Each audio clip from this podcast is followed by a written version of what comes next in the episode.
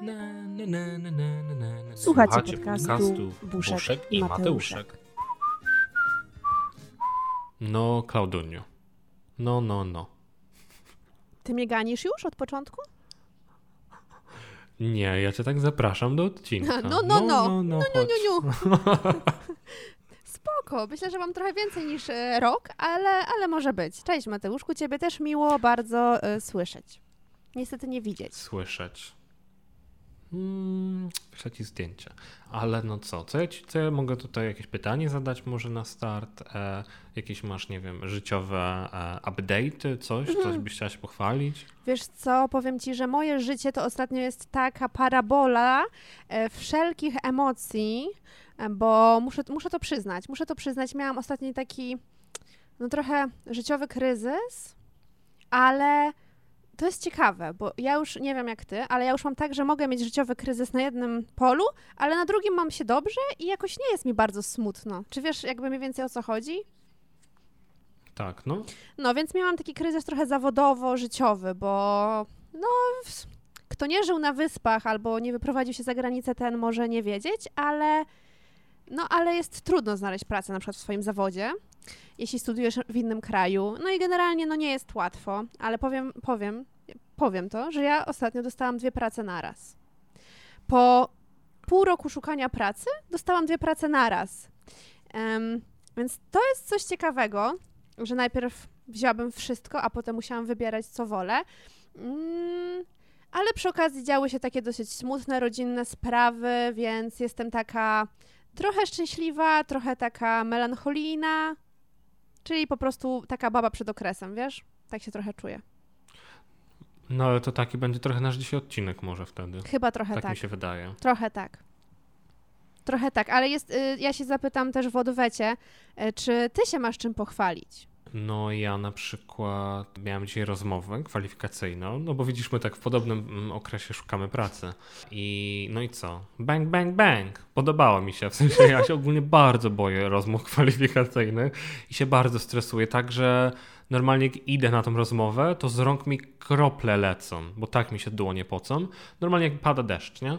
I, i tak było. I Padał wtedy na deszcz? rozmowie nagle siadam i tak było, tak, ale później siadam na tą rozmowę i nagle, no mówię, bang, bang i rozpykane. Dostałem po prostu, no nie dostałem tej pracy, jeszcze nie wiem. Tylko najgorsze jest to, że wiesz co, ja już miałem taką rozmowę ostatnio i wyszedłem, to też mówię, bang, bang, w ogóle już od razu jakieś zakupy online, mówię, wiem od razu, mam już, już ja już dostałem wypłatę e, za tą nową pracę, no i co? Chuj, nigdy się już do mnie nie odezwali, więc ja tak trochę tak spokojnie, jeszcze, jeszcze nie wiem, nie wiem czy dostałem tę pracę, ale na rozmowie, no gdybyśmy jeszcze raz mieli nagrywać odcinek o Dumie, to bym o tym wspomniał, że nie sądziłem, że będę umiał, że będę z siebie dumny, no bo nie wiem, pewnie o, obiektywnie ta rozmowa była taka sobie, o nie, no jak rozmowa, ale dla mnie po angielsku, w obcym kraju, no powiem Ci, że bardzo, bardzo mi miło. Tak, to jest, to jest niesamowite i, i chyba ten w ogóle odcinek o dumie otworzył we mnie takie, taką, takie pudełeczko, w którym ja sobie gromadzę rzeczy, z których jestem dumna. Że kiedyś łatwiej byłoby mi znaleźć coś, z czego nie jestem dumna, a teraz jest odwrotnie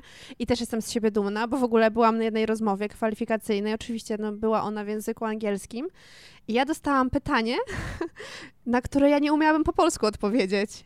Ja naprawdę... To jest najgorsze. To jest najgorsze. Ja byłam, ja byłam w szoku. Ja mówię, co ja mam powiedzieć? Ja dostałam pytanie, co, co, co by się wydarzyło, gdybym nie mogła się dogadać ze, ze współpracownikiem i no i jakie byłyby moje poczynania. I ja nie wiem, co oni chcą usłyszeć. Ja mi się wydaje, że jest jakiś wzór i pewnie gdybym poszukała w necie, to bym znalazła, no ale nie wiedziałam, że będzie takie pytanie, więc się nie przygotowałam. I jak ty byś na nie odpowiedział? Je- Jest coś, co trzeba powiedzieć, albo coś, co nie? Znaczy, wiem, że powiedziałam dobrze, bo dostałam tę pracę, ale kurczę. No to ja ci powiem, że e, przez to, że właśnie tych rozmów za sobą ostatnio mam już trochę, to się tak przygotowywałem do tych różnych rozmów i wiadomo, że tam no różne to były miejsca, czasami to były jakieś większe korporacje i wtedy te pytania są właśnie takie trochę z dupy, zamiast wiesz, typowo o tym, i wiesz, o pytanie o typową pracę, to są jakieś, gdzie się widzisz za 5 lat, takie, no, no i właśnie takie pytanie, wiesz, to jeżeli jest konflikt w pracy, no i ogólnie wydaje mi się, że na takie coś warto odpowiedzieć, że, e, bo oni po prostu chcą zobaczyć, jak ty reagujesz, wiesz, w jakichś tam pewnie stresujących sytuacjach, no to mówisz, że rozmowa, że zawsze próbujesz się dogadać, że nie wyciągasz pochopnych wniosków, że próbujesz wysłuchać tej drugiej osoby, myślę, że coś takiego, nie, że jesteś po prostu ugodowym człowiekiem albo jakimś takim bezproblemowym, -hmm. a nie, że na przykład ktoś mi powiedział, no niestety, jak ja z kimś nie umiem pracować, no to, no to się zwalniam, nie? Ale no właśnie ja jestem ciekawa, y, jak można inaczej odpowiedzieć niż właśnie ty i ja, czyli ja powiedziałam to, co ty, plus powiedziałam, że no jeśli nie udałoby mi się dojść do porozumienia z tą osobą, no to poszłabym do przełożonej i powiedziała, że jest problem i że chcę go rozwiązać i to było wszystko, co ja powiedziałam na ten temat, ale naprawdę nie wiem, kto na rozmowie o pracę miałby takie byłby tak odważny, bo nie powiem, że miałby takie jaja, bo jaja są kurczę słabe, ale nieważne. Wybacz za to moje feministyczne wtrącenie. Więc nie wiem, kto byłby tak odważny, żeby powiedzieć cokolwiek innego. No właśnie to, co ty na przykład, że nie, to wtedy tam jebać, rzucam pracę. No jakby... No myślę, że, że właśnie oni że to jest takie trochę nudne, nie? że jak jest rozmowa o pracy, tak naprawdę to nie, to często musisz odpowiadać nie to, co chcesz powiedzieć, ale musisz mówić to, co wiadomo, że, oni chcą usłyszeć i oni wiedzą, że, ty, że to jest taki teatrzyk trochę, bo ty mówisz to, co oni chcą usłyszeć i oni wiedzą, że ty masz wyuczone te odpowiedzi, no i na takiej zasadzie właśnie dostaję pracę. No i właśnie słuchaj Mati, czy ty myślisz, że ty się tego nauczyłeś sam? E, takiego obycia, takiego taktu, umiejętności odpowiadania na takie pytania, czy wyniosłeś to z domu? Mm, wiesz co? Nie wiem. Nie wiem. Wydaje mi się, że kurczę, to jest trudne pytanie, no bo nawet nie, nie wiem. To jest moja odpowiedź po prostu, nie wiem. Nie wiem, nie, nie wiem. No bo właśnie dzisiaj y, trochę będziemy o tym rozmawiać. Um, i ja się bardzo zastanawiam, w jakim stopniu ja jestem sobą, a w jakim stopniu jestem po prostu tym, co widziałam u swoich rodziców i innych ludzi ze swojego otoczenia. No i myślałam, że właśnie to jest coś takiego charakterystyczne, charakterystycznego, bo są takie pewne rzeczy, które widać e, w rodzinie, że no tak, ta rodzina jest taka, rodzice tacy są, dzieci są takie same, a, a mam wiele takich cech, że ja nie wiem skąd ja je mam. Że po prostu nie wiem. Tak jak ty, nie wiem. No nie wiem, właśnie nie wiem. Ale wiesz, co jest dobre? Że jak nie wiesz, to się przyznajesz, że nie udajesz i mówisz, no, wiesz co, bo to chyba dlatego i dlatego nie, no jak nie wiesz, to powiedz, że nie wiesz. No tak. Kiedyś pamiętam, że pisałem kiedyś z jakimś... E, z jakimś kolesiem na Tinderze, czy coś tam dawno, dawno temu. No oczywiście. E, I on się zapytał mnie o coś, o moją opinię na jakiś temat. No ja nie wiedziałem. I mówię, słuchaj, wiesz co, no nie powiem ci, no bo nie mam wystarczającej wiedzy na to, żeby mieć jakąś opinię na ten temat. I on powiedział, wiesz co, bardzo mi za, mm, zaplusowałeś tym, mhm. że, że jak nie wiesz, to mówisz, że nie wiesz. I od tamtej pory mam coś takiego, że nie mam, że wow, że ktoś to zauważył i rzeczywiście to jest, to jest fajne, że jak ktoś nie wie, to mówi, że nie wie. I nie musisz przecież wiedzieć wszystkiego, nie musisz mieć opinii na każdy temat. Więc no, Wiem, że nic nie się wiem. z różnych źródeł, nawet z randek na Tinderze, dokładnie. Oj tak, z randek na Tinderze ja się całkiem dużo dowiedziałam przede wszystkim o sobie. Ale dobra, wracamy na tory dzisiejszej rozmowy, bo właśnie, dzisiaj... Tak, my nie o tym, my nie o randkach. Nie, my dzisiaj, my dzisiaj właśnie nie o randkach, chociaż trochę o randkach, no bo gdyby nie randki, no to nasi rodzice no, by się nie poznali i nie byłoby nas. Więc może dzisiaj bardziej właśnie o. bliżej to jest do randek rodziców, ale mimo wszystko nie rozmawiamy ci o randkach. Już dość po tych walentynkach mam tego tematu. Dziękuję, pozdrawiam. Więc rzucam ci pytanie, Mati. Mm, czy nauczyłeś się czegoś od swoich rodziców tak, tak samo istnie? To nie tak, że e, twoja mama usiadła z tobą, czy tata i uczyli cię e, liczyć, ale tak po prostu z bycia, no wiadomo, wiadomo, że mnie nauczyli. E, tutaj taka laurka pewnie trochę wyjdzie dla nich e, dzisiaj, no bo mm, zobaczymy. Raczej nie będziemy jakichś tam sm jakichś smrodów tutaj wyciągać, co nie, aj mamuśka. Tam, aj tam, tam, zobaczymy. Ale nie wiadomo. Ale nie, wiesz co? Mm, ostatnio to będzie historyjka. uwaga, będzie historia z życia wzięta i ona będzie właśnie takim, takim wstępem. E, ja się ostatnio z moim partnerem przeprowadziliśmy, tak jak wspominałem. No i wiadomo, nowa chata, ona była nieumeblowana, mm, więc była taka goła, taka naprawdę goła, że nic tutaj nie było. Jakaś tam kuchnia ewentualnie, no i kibel, wiadomo, takie podstawy. Ale na przykład nie było firan, ani zasłon, ani rolet, ani nic. I, I to nie byłby problem, gdyby nie to, no przecież można kupić tak IKEA.com, wysyłasz, zamawiasz, wysyłają i masz. Ale nie było również e, karniszów, karniszy? Karnisza. Powiedz. Wielu ich. Nie było. Nie było ich wielu, nie było żadnego, wręcz tak. Żaden karnisz nie istniał w tym mieszkaniu. No wiadomo, nie, że ja mieszkałem przy ulicy, to nie chcesz e, dupą świecić, a więc chcieliśmy sobie zainstalować. No i teraz, wiesz, to trzeba wywiercić. My nie mamy wiertarki. Nie wiemy jak, znaczy no wiesz, i mówimy, kurde, jak my teraz to mamy zrobić? Jak, jak to zainstalować? E, i, I co? I udało się udało się i powiem ci, że to nie jest takie proste, no bo Adi mówi, no co, wiesz, robisz wiertarkę, on mówi w ogóle do mnie, no to nie wiem, śrubokręt, robisz dziurę wiertarką, śrubokręt, śrubokrętem wkręcasz i karnisz jest. Ja mówię, no wiesz to nie jest takie proste bo nie wiem, czy kiedyś instalowałeś karnisz, ale to trzeba mieć wiertarkę, musisz wiedzieć, jaki to ma być otwór, musisz wiedzieć, jaki to jest, jaka to jest ściana, czy to jest ściana twarda, czy to jest ściana miękka, bo jeżeli to jest twarda, to musisz mieć e, wiertarkę udarową, później jak już zrobisz tą dziurę, to musisz włożyć taki plastikowy, nie wiem, jak to się nazywa, kołek? Nie wiem, czy to się nazywa mhm. kołek, ale to jest taki, taka dziurka plastikowa, w którą dopiero można wkręcić śrubkę, e, i, no i my to zrobiliśmy. A właściwie to ja to, znaczy Ady mi pomógł, ale to głównie ja to robiłem. I, I tak sobie potem pomyślałem, że wow, że w ogóle, że ja coś takiego. Ja wiem, że dla wielu ludzi to jest wow, wow, zainstalowałeś karnicz, to myślisz, że jesteś kozak. Ale wiesz, ja ogólnie nie mam doświadczenia w takich rzeczach. Jakby też naturalnie, nigdy nie robiłem takich rzeczy i też jakby nigdy naturalnie nie byłem pierwszym człowiekiem w kolejności w jakimkolwiek domostwie byłem, żeby się zajmować takimi rzeczami typu złota rączka, nie? Zawsze był jakiś inny człowiek, który był, oczywi- był takim oczywistym wyborem i to nigdy nie byłem ja. No i nagle jest coś takiego. Jestem ja i Adi, no i widzę, że Adi w ogóle kompletnie nie ma pojęcia, jak coś takiego zrobić. On chciał, wiesz, śrubokrętem wkręcić ten karnisz. No to ja już mówię, dobra, no to muszę przejąć stery. Mm. I, I tutaj mi się przypomniało, i usiadłem, no i zrobiłem, i byłem z siebie dumny, że wow, że się udało. E, i, I tak sobie myślę, mówię, w ogóle wow, że coś takiego zrobiłem, że to jest takie małe osiągnięcie. I przyszło mi do głowy, przypomniało mi się, że na, wiedziałem, jak to zrobić, tylko dlatego, bo mój tata mi to pokazał. A dlaczego mi to pokazał? Bo było dużo takich sytuacji, kiedy właśnie jak jeszcze mieszkam z rodzicami, wiesz, tu trzeba było coś zrobić, tu trzeba było coś zainstalować. No i wiadomo, że ja tego nie robiłem, tylko mówię, hej tata, czy ty możesz mi zainstalować karnisz na przykład, nie? No bo ja nie wiem, nie umiem, przecież ty to zrobisz. Tata mówi, tak, pewnie, ale ty idziesz ze mną i mi pomożesz ja ci pokażę, jak to się robi. I dużo było takich rzeczy, że często jak prosiłem mojego tatę o pomoc w czymś, właśnie w takich sprawach e, jakichś tam e, takich domowych, jakichś, no, nie chcę mówić budowlanych, jakichś takich mini budowlanych mm -hmm. e, i tata robił to za mnie, to on zawsze mówił chodź ze mną i będziesz chociaż patrzeć.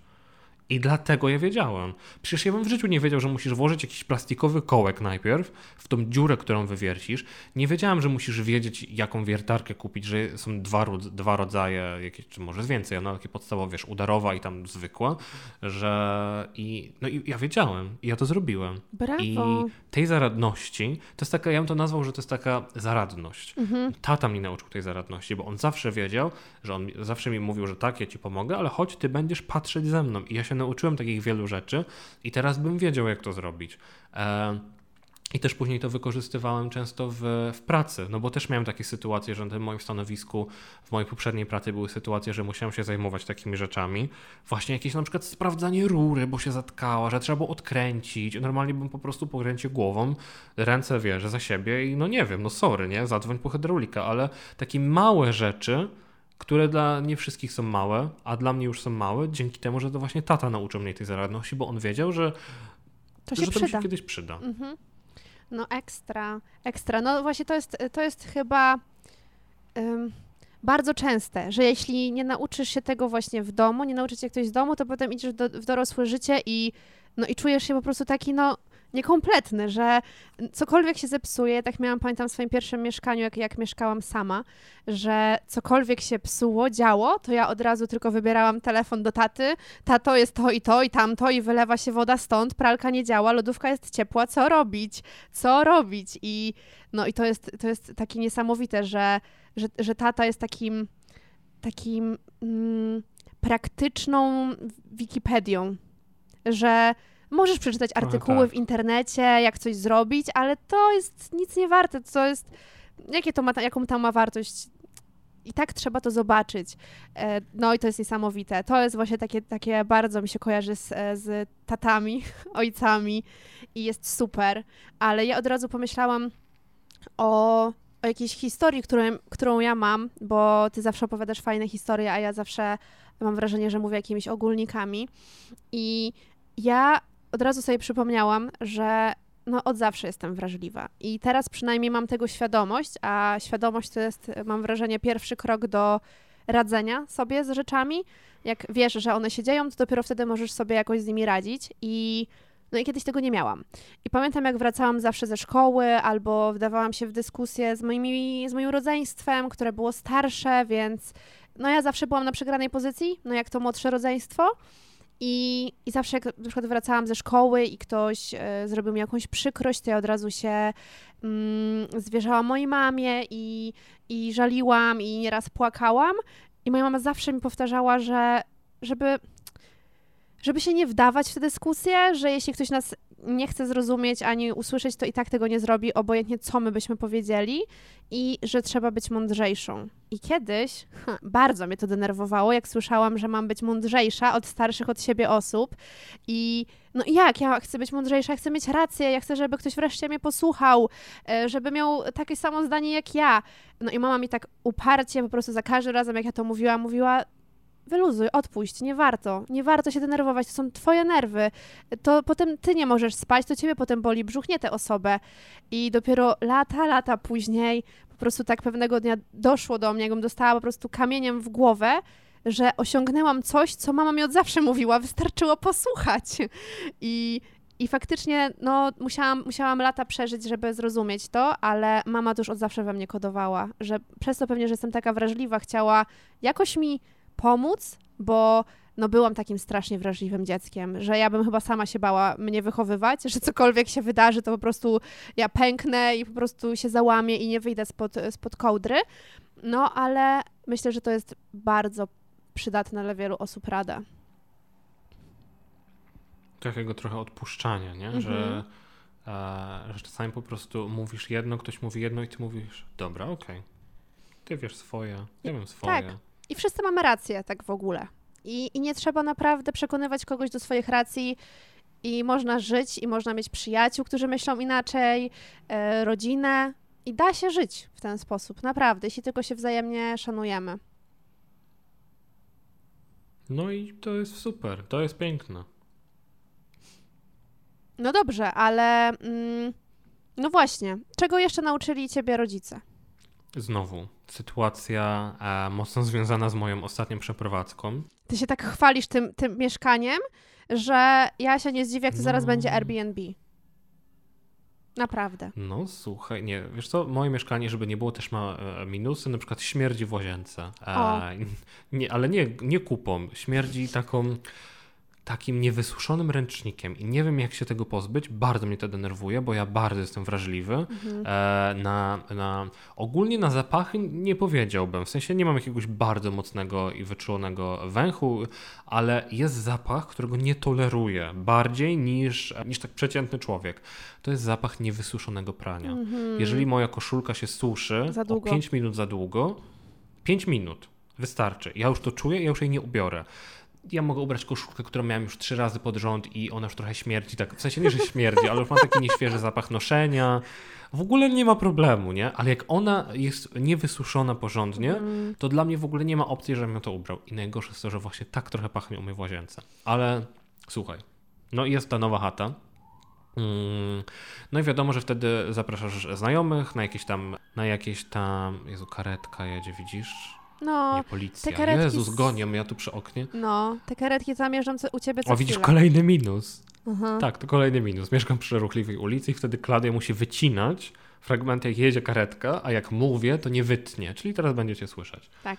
Jezu, więcej ich jedzie, mam nadzieję, że nic się nic nie stało. Nie, No, nic się nie stało, po prostu sobie jeżdżą, wiesz, tak po mieście. Nic się nie stało, Mati. Luz. Coś się stało. E, słuchaj, no i mamy, e, mamy, no wiadomo, że masz nową chatę, więc czasami zapraszasz e, nowych gości.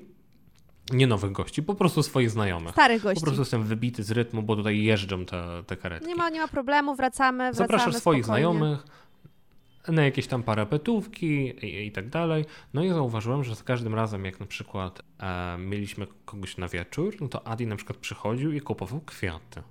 Ja mówię, no ogólnie fajnie, nie? Ale jakby nigdy nie kupował kwiatów wcze- wcześniej, takich do wazonu, takich ciętych. Mhm. I na przykład on do mnie mówi, no dl- dlaczego zrobiłeś pranie dzisiaj? Ja mówię, no bo trzeba było, już się gacie kończą powoli, trzeba było zrobić pranie. Mówi, no ale tam nie wiem, nie? Basia dzisiaj przychodzi.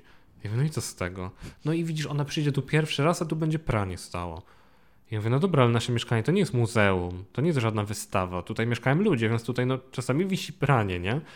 E, on mówi, no tak, ale wiesz, oni się przychodzą, no to mogłeś... em, mogłeś odpuścić i nie robić dzisiaj, no bo wtedy jakoś tak ładniej to wygląda, on wtedy zaczyna sprzątać, jakoś tak bardziej niż zwykle, jakieś zapaszki, tutaj wiesz, jakieś. Mhm. i kadzidła, świeczki. Ja mówię, co ty w ogóle robisz?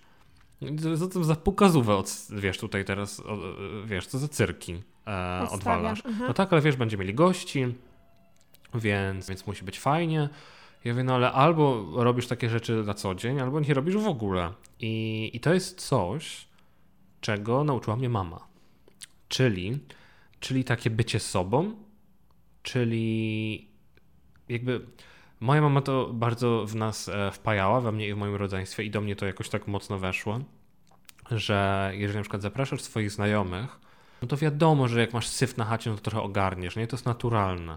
Ale co innego jest ogarnianie po prostu, żeby było przyjemnie, co innego, e, wiesz, nie wieszanie prania, jak goście przyjeżdżają, no bo nie daj Boże sobie pomyślam, że, e, że to mieszkanie wygląda gorzej niż mogłoby wyglądać. Czyli takie bycie takim prawdziwym sobą, nie jakimś takim właśnie, no nie wiem jak to powiedzieć, takim jakimś, taką najlepszą wersją siebie przez cały czas Mhm. Że no okej, nie przychodzisz, fajnie, że możesz przyjść i zobaczyć moje mieszkanie, fajnie, że, że jeżeli ci się spodoba, no ale jeżeli nie, od, nie będę odkurzyć za każdym razem przed tym, jak przyjdą moi znajomi, no to przecież świat się nie zawali. Oni mnie nie przestaną lubić. Mm, A jeżeli przestaną, bo będą mówić, ty kurde, ubodzenie jest zawsze taki syf na chacie, on ma zawsze nieodkurzone, no to ja wtedy wcale nie chcę mieć takich znajomych. To może dobrze, że właśnie zobaczą, że ja nie zawsze odkurzam, żeby oni już przestali przychodzić.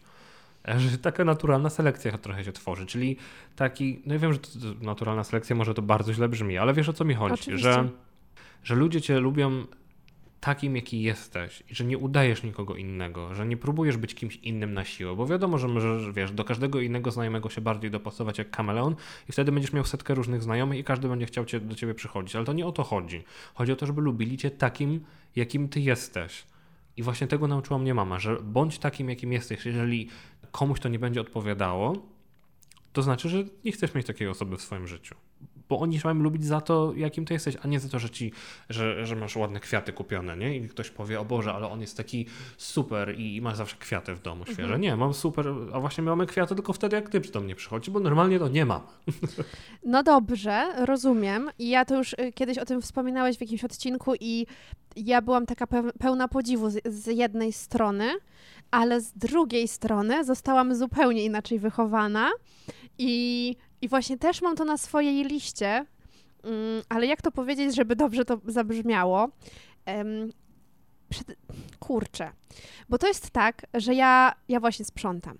Ja za każdym razem, jak mam gości, czy to są starzy goście, czy nowi goście, to nie ma znaczenia, a jeszcze szczególnie jak ktoś przyjeżdża pierwszy raz do nas, to no to po prostu sprzątamy całą chatę i, i robimy jakieś dziwne po prostu cyrki. Pierwszy raz odsuwamy jakieś meble e, od tam roku, ale ja mam takie poczucie, że ja, mimo że na co dzień i tak dbam o czystość, ale robię to może bardziej właśnie dla tej osoby. To znaczy, chcę w ten sposób, to jest, to jest moja perspektywa. To nie jest tak, że to jest złe albo, albo właściwe, ale ja to tak widzę, że ja to robię trochę dla tej osoby, żeby pokazać, że e, ją no, że właśnie jest dla mnie tak ważne, że specjalnie, nawet niech, niech wie, że to nie jest zawsze, że nie zawsze jest tak czysto, ale niech wie, że to właśnie specjalnie dla niej, żeby czuła się tak swobodnie, komfortowo, to właśnie dla niej posprzątałam i kupiłam kwiaty. I to też nie jest tak, że jakbym przyjechała do ciebie i byłby bałagan, to pomyślałabym, że mnie nie lubisz, ale to właśnie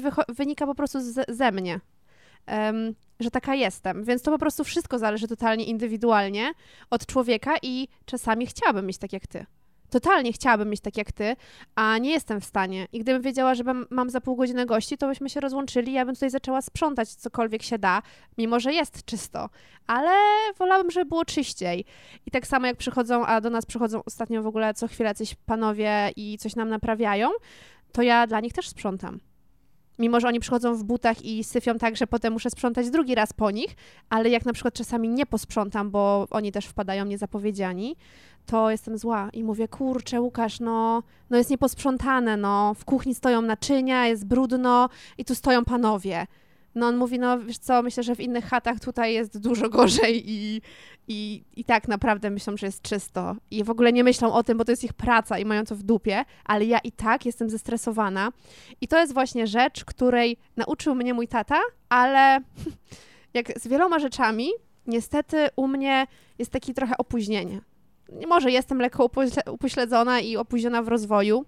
Um, to, to był głupi żart ale trochę może jestem, bo ja naprawdę wszystko, co nauczyli mnie rodzice, zrozumiałam dopiero jak się wyprowadziłam z domu. No może byłam zbyt dzieciakiem przez te całe lata, ale ty też nim byłeś, a jakoś coś tam zrozumiałeś.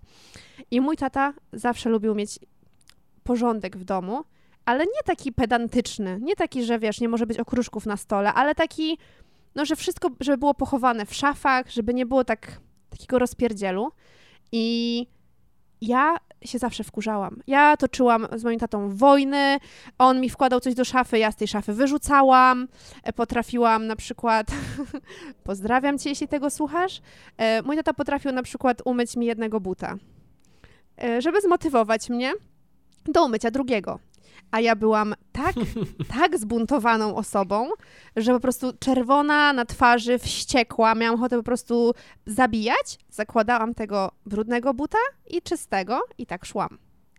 I szłam w jednym upieprzonym bucie, a w drugim czystym, bo mówię nie, nie dam, nie pozwolę, będę tak chodzić jak chcę.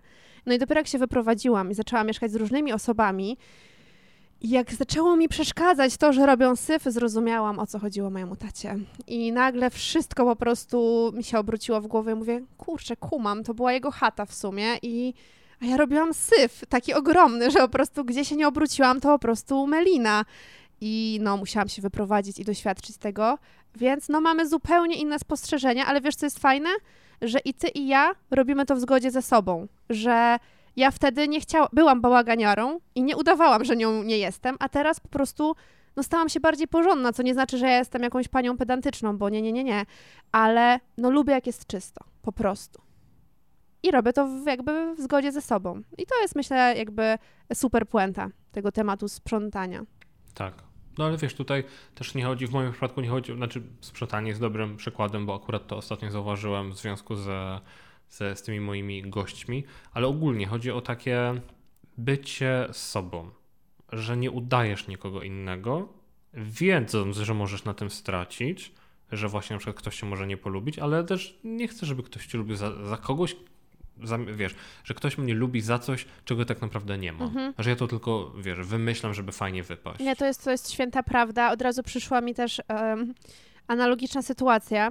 E, kiedyś, to jest w ogóle wspaniała historia, nie wiem, czy ja już opowiadałam, być może. Jak, jak, jak tak, to powiedz, jak pamiętasz. Ja kiedyś w gimnazjum, w drugiej klasie, przyszłam e, do szkoły w fartuszku kuchennym.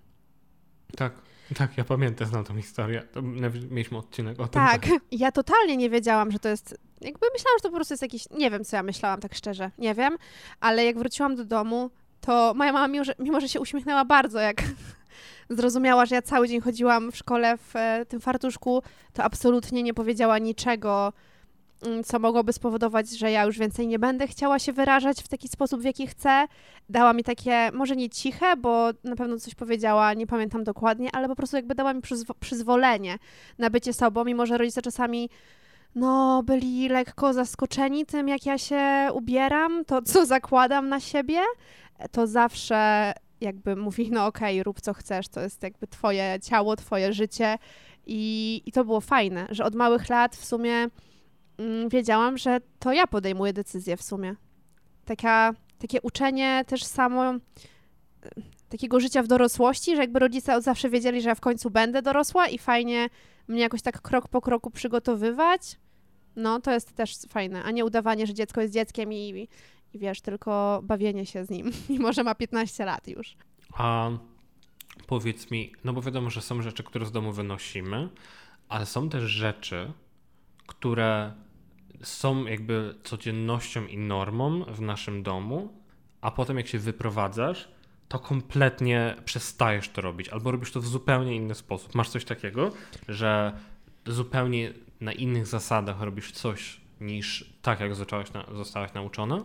Jest wiele takich rzeczy. Myślę, że przede wszystkim tak, tak naprawdę szczerze to mogłabym Ci odpowiedzieć na to pytanie, jak sama założyłabym rodzinę, miała dzieci, bo to też na pewno zmienia wszystko i też wiele rzeczy robi się dla dzieci. I nawet myślę, tak pierwsza rzecz z brzegu, która przyszła mi do głowy, że święta są takim takim idealnym właśnie pokazaniem tego, że nawet jak jesteś osobą niewierzącą albo wierzysz w coś innego niż większość Polaków, czyli nie jesteś e, katolikiem, katoliczką, to jak jest dziecko, to starasz się jednak, żeby to wszystko wyglądało tak fajnie, żeby była choinka, pod nią prezenty. No jednak jest to u nas jakoś tak bardzo mocno e, zapisane. A no ja dzieci nie mam, więc, więc no na pewno to wygląda inaczej niż wyglądałoby, gdy miała dzieci, ale tak, pierwszą rzeczą właśnie jest ta wiara, której ja, mimo że zostałam w niej wychowana, mimo że całą rodziną chodziliśmy zawsze do kościoła, to ja w pewnym momencie swojego życia, mimo że ja byłam bardzo wierzącą osobą, chodziłam co miesiąc do spowiedzi, e, co niedzielę do kościoła, e, nie jadłam, jeszcze jak jadłam mięso, to nie jadłam go w piątki, no jakby robiłam wszystko i nawet myślę, że więcej niż taki mm, przeciętny katolik, to w pewnym momencie zrozumiałam, że to nie jest moja droga i że ja tego nie czuję, że ja w to nie wierzę, że ja zaczynam myśleć trochę inaczej. I to było coś najtrudniejszego dla mnie, bo byłam jak pierwszą osobą w rodzinie, która się wyłamała z tego wszystkiego, która przestała nagle chodzić do kościoła, która przestała to wszystko robić. I, no i na pewno to jest taka, taka duża, duża zmiana, ale też to, co szanuję bardzo, to to, że moi rodzice jasno powiedzieli, że jak skoro jestem dorosła, wyprowadziłam się z domu, żyję na własnych zasadach, to, to oni tego nie będą oceniać, bo to jest no, moja wiara, mój Bóg lub jego brak. I tak nic na to jakby nie wpłynie. No bo przecież nawet jak mnie zmuszą do pójścia do kościoła, chociaż nie byliby w stanie, no to to i tak nie zmieni tego, w co wierzę. Tak więc to jest na pewno pierwsza rzecz. A ty masz takie rzeczy? Mm, no tutaj przy tej twojej takiej, bym powiedział, no poważnej i dużej rzeczy, moja się może wydawać taka bardzo błaha. Dawaj. Szczególnie, że ja się jeszcze trochę, trochę się trzymam tego tematu sprzątania, ale to jest coś, co mnie doprowadza do szału u mnie w domu i ja byłem tego częścią, ale totalnie się wyłamałem. To są, Klaudia, naczynia. Nie mycie naczyń zaraz po ich użyciu tak jak mam totalny luz ze sprzątaniem, tak jak już to można wywnioskować, to nie jestem w stanie zrozumieć tego, że zostawiasz naczynia i, i, ma, i dopiero w momencie, kiedy już naprawdę nie masz na przykład sztućców, dopiero wtedy pakujesz do zmywarki. To u mnie totalnie się wyłamałem. E, I, I, wręcz czasami przesadnie, może dlatego, e, może właśnie dlatego przesadnie, ja wręcz nie umiem cieszyć się z jedzenia posiłku, jeżeli wiem, że czekają na mnie brudne gary. Więc muszę wszystko umyć, wolę wszystko umyć i zjeść trochę zimne jedzenie, ale wie, mam mieć takie, wiesz, e, taki, taką poduszeczkę, taki komfort, że już nic na mnie nie czeka, że ja zjem i koniec. Mhm. No i ta micha wiadomo, po której, w której jem. E, ale poza tym to nic tam nie schnie, niczego nie będę musiał skrobać. Hmm, super, chociaż mam teraz taką gąbkę, która się nazywa Scrubby Daddy? Boże, jak ona się nazywa? Czy Mr. Daddy? Nie wiem, coś z tatusiem. Mhm. Tatusiowa gąbka. Jezus, jak kiedyś się zastanawialiście, czy kupić tatusiową gąbkę, bo wydaje mi się, że ona teraz już jest do, do, do kupienia wszędzie. Warto. Klaudia, to jest taka gąbka, którą jak zmoczysz ciepłą wodą, ona robi się miękka, a jak zmoczysz ją zimną wodą, ona robi się twarda, więc możesz sz, sz, szorować i skrobać. Ona kosztuje trochę, bo ona kosztuje chyba 3 funty za jedną gąbkę, Mm. więc to jest dużo. Biorąc pod uwagę, że normalnie za 2 funty kupujesz sześciopak, ale ta gąbka też jest piękna, bo to jest taki uśmiechnięta, taka główka uśmiechnięta. Jezu, nie słyszałam o niej nigdy, ale rob, robisz, robisz dobrą reklamę, bogaczu. E, Słuchaj, No, raz na jakiś czas można. no nie, no oczywiście, że tak, ale słuchaj, no ja z kolei, mm, no nie, jakoś u mnie tak mam wrażenie, że zawsze ta czystość była czymś ważnym, mimo że wiadomo, dzieci są dziećmi, ludzie są ludźmi, to jednak, no moja mama zawsze jest, była i jest tą osobą, która dbała o tę sferę kuchenną. To jest taki chyba, myślę, sta- standardowy podział obowiązków w większości polskich domów, czyli tata jest właśnie od samochodu, od mycia go, tankowania, od robienia rzeczy w domu, typu właśnie e, zamontować karnisze, e, zrobić jakieś właśnie takie rzeczy mm, bardziej fizyczne, a moja mama jakby zajmowała się kuchnią. I wiesz co, powiem ci tak, to jest też jedna rzecz, która, mm, którą da, dała mi właśnie mama, to jest, myślałam, że to jest oczywiste, bo to też jest ciekawe, jak my na przykład, ty, y, ja z tobą rozmawialiśmy na wiele tematów tak poza podcastem, to wzajemnie byliśmy czasami zdziwieni, jak można inaczej w ogóle patrzeć na pewne sprawy i, i żyć w ogóle w zupełnie inny sposób, no bo wydaje ci się, że skoro twoja rodzina tak żyje, to wszyscy tak żyją i to jest normalne, że tak jest. No ale no nie, jest różnie i, i u mnie w domu niezależnie od tego, czy moja mama była dłużej w pracy, krócej, miała nadgodziny, musiała gdzieś coś załatwić, albo była chora, u mnie zawsze w domu był ciepły obiad. To było coś, co było dla mnie oczywiste. I jak czasami rozmawiałam z jakimiś koleżankami, one mówiły, że muszą zrobić same obiad, albo, albo po prostu nie ma tego obiadu, to ja po prostu byłam w szoku. Mówię, jak? No przecież moja mama zawsze robi obiad. I, no i to było coś dla mnie takiego naturalnego. No i, no i może to jest jakiś taki no nie wiem, kompleks, ale ja nie gotuję. Ja nie, nie, nie umiem tak, tak dbać o to, żeby zawsze było właśnie jedzenie, że nawet jak jechaliśmy gdzieś na jakieś wyprawy nad morze, albo nawet po prostu do jakiegoś miasta, to zawsze były kanapeczki na drogę, e, coś do picia, jakieś przekąski. Takie, no takie dbanie o to, o tę sferę, no bo to jest bardzo ważna sfera i ja tego nie potrafię robić i chyba dlatego, że jakoś tak mam taki kompleks, to w ogóle tego nie robię. I jakby za to zazwyczaj odpowiedzialny jest mój chłopak. No i nam to pasuje, więc, więc fajnie, że tak się trafiło, ale gdyby było inaczej, to, to nie wiem, jak ja bym sobie z tym poradziła. No ja po prostu się nie nadaję do takiego codziennego dbania o to, że w lodówce tam jest marchewka, ym, pomidor i coś jeszcze, ja z tego po prostu robię zajebiste risotto. No ja tak nie umiem. Nie mam tego drygu, więc to jest coś, czego na pewno nie kontynuuję, chociaż akurat bym chciała. No może, może doj- dojrzeję jeszcze do tego. Może tak, no ale też nie każdy tak ma coś takiego, nie taki dryk e, bycia taką kuchenną gospodynią, takim Mm. gospodarzem. To jest prawda. To jest prawda. Y, Czy jest coś na, na twojej liście jeszcze z takich rzeczy, które, których nie praktykujesz już?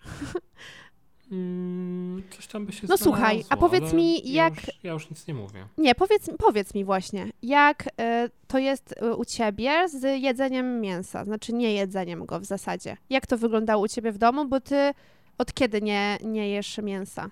A popatrz, tu mnie masz. Odkąd wyjechałem na studia? W sensie już wcześniej coś tam Okej. kombinowałem, ale tak średnio mi to wychodziło. I ja na przykład miałem takie akcje, że mówię, dobra, jestem wege.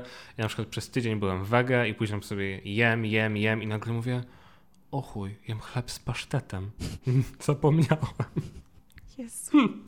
Zapomniałem, że pasztet jest z mięsa. I, no i miałem takie sytuacje, ale ogólnie rzeczywiście tak się wygiąłem. W sensie moja rodzina nie jest jakaś taka super mięsna.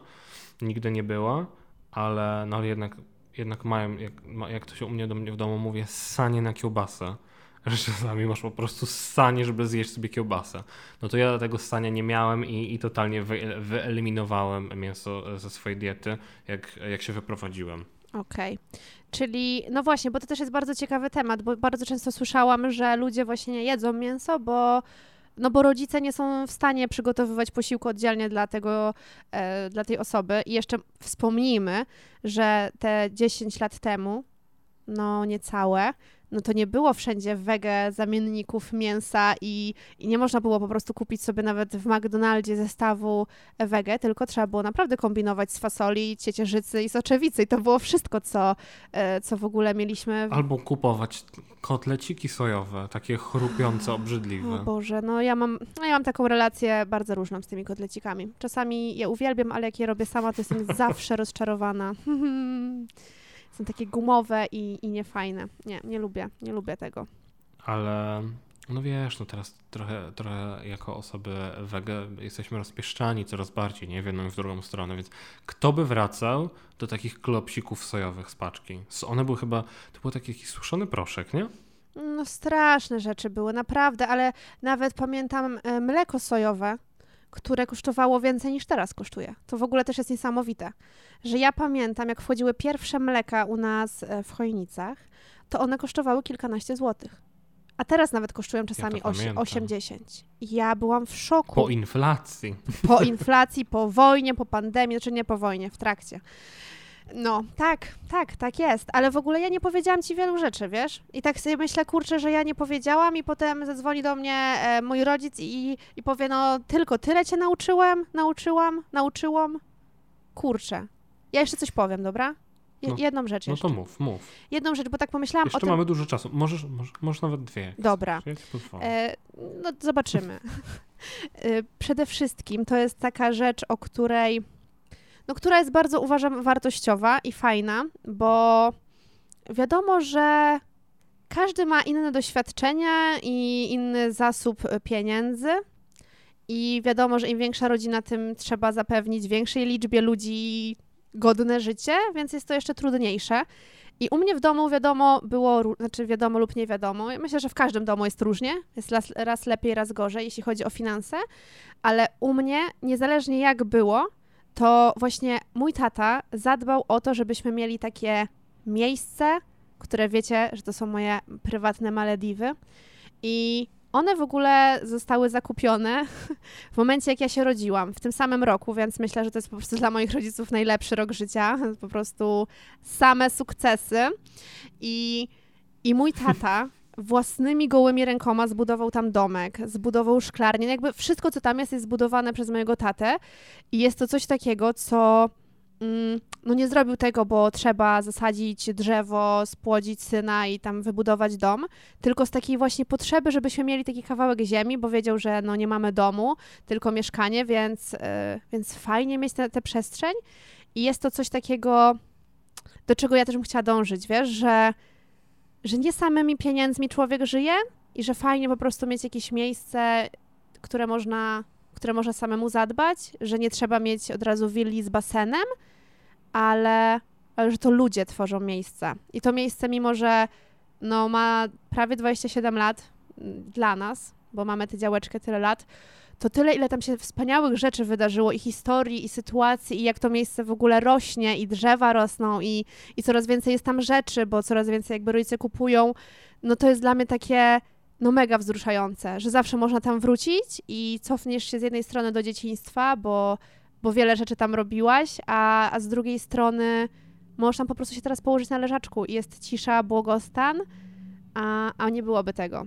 Więc to jest coś, coś super. I wiem, że no niestety ja tego nigdy nie zrobię. No nie wybuduję chaty sama. No, nie, no Mati, nigdy nie, nie mów nie, no. nigdy, słuchaj. Ostatni odcinek Klaudia nas nauczył. Nigdy nie mów nigdy. No właśnie, też prawda z jednej strony, ale nie, no z drugiej strony, słuchaj, ja ostatnio zastanawiałam się, jaki kształt ma piramida.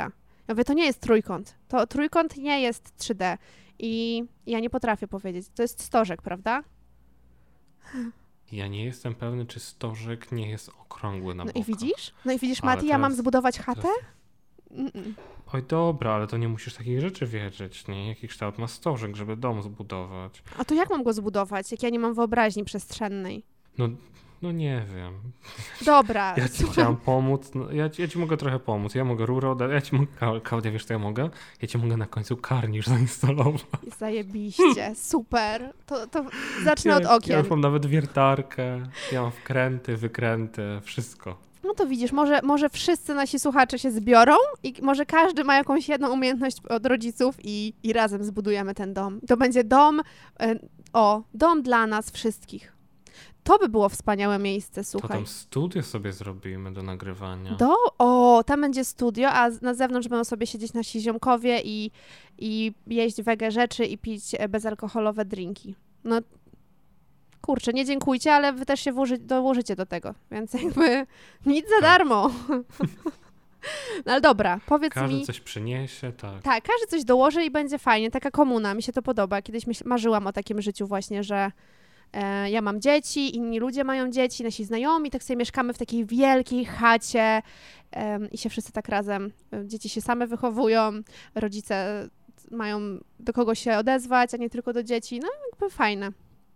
Brzmi to bardzo ciekawie. A dobra, dobra, idźmy dalej. Powiedz mi, czy ty jesteś jak twoi rodzice? Jakbyś tak spojrzał, spróbował spojrzeć obiektywnie na siebie, chociaż się nie da. Albo ktoś ci powiedział, że jesteś, a ty w to nie wierzysz. Ja im jestem starszy, tym widzę więcej podobieństw do takich rzeczy, które właśnie do moich rodziców i do jakichś tam zasad, które wyznajemy, ale też wiesz co, jest coś takiego strasznego, co ja kiedyś często powtarzałem, że ja widzę, że ja jestem człowiekiem złożonym z wad mojej mamy i z wad mojego taty.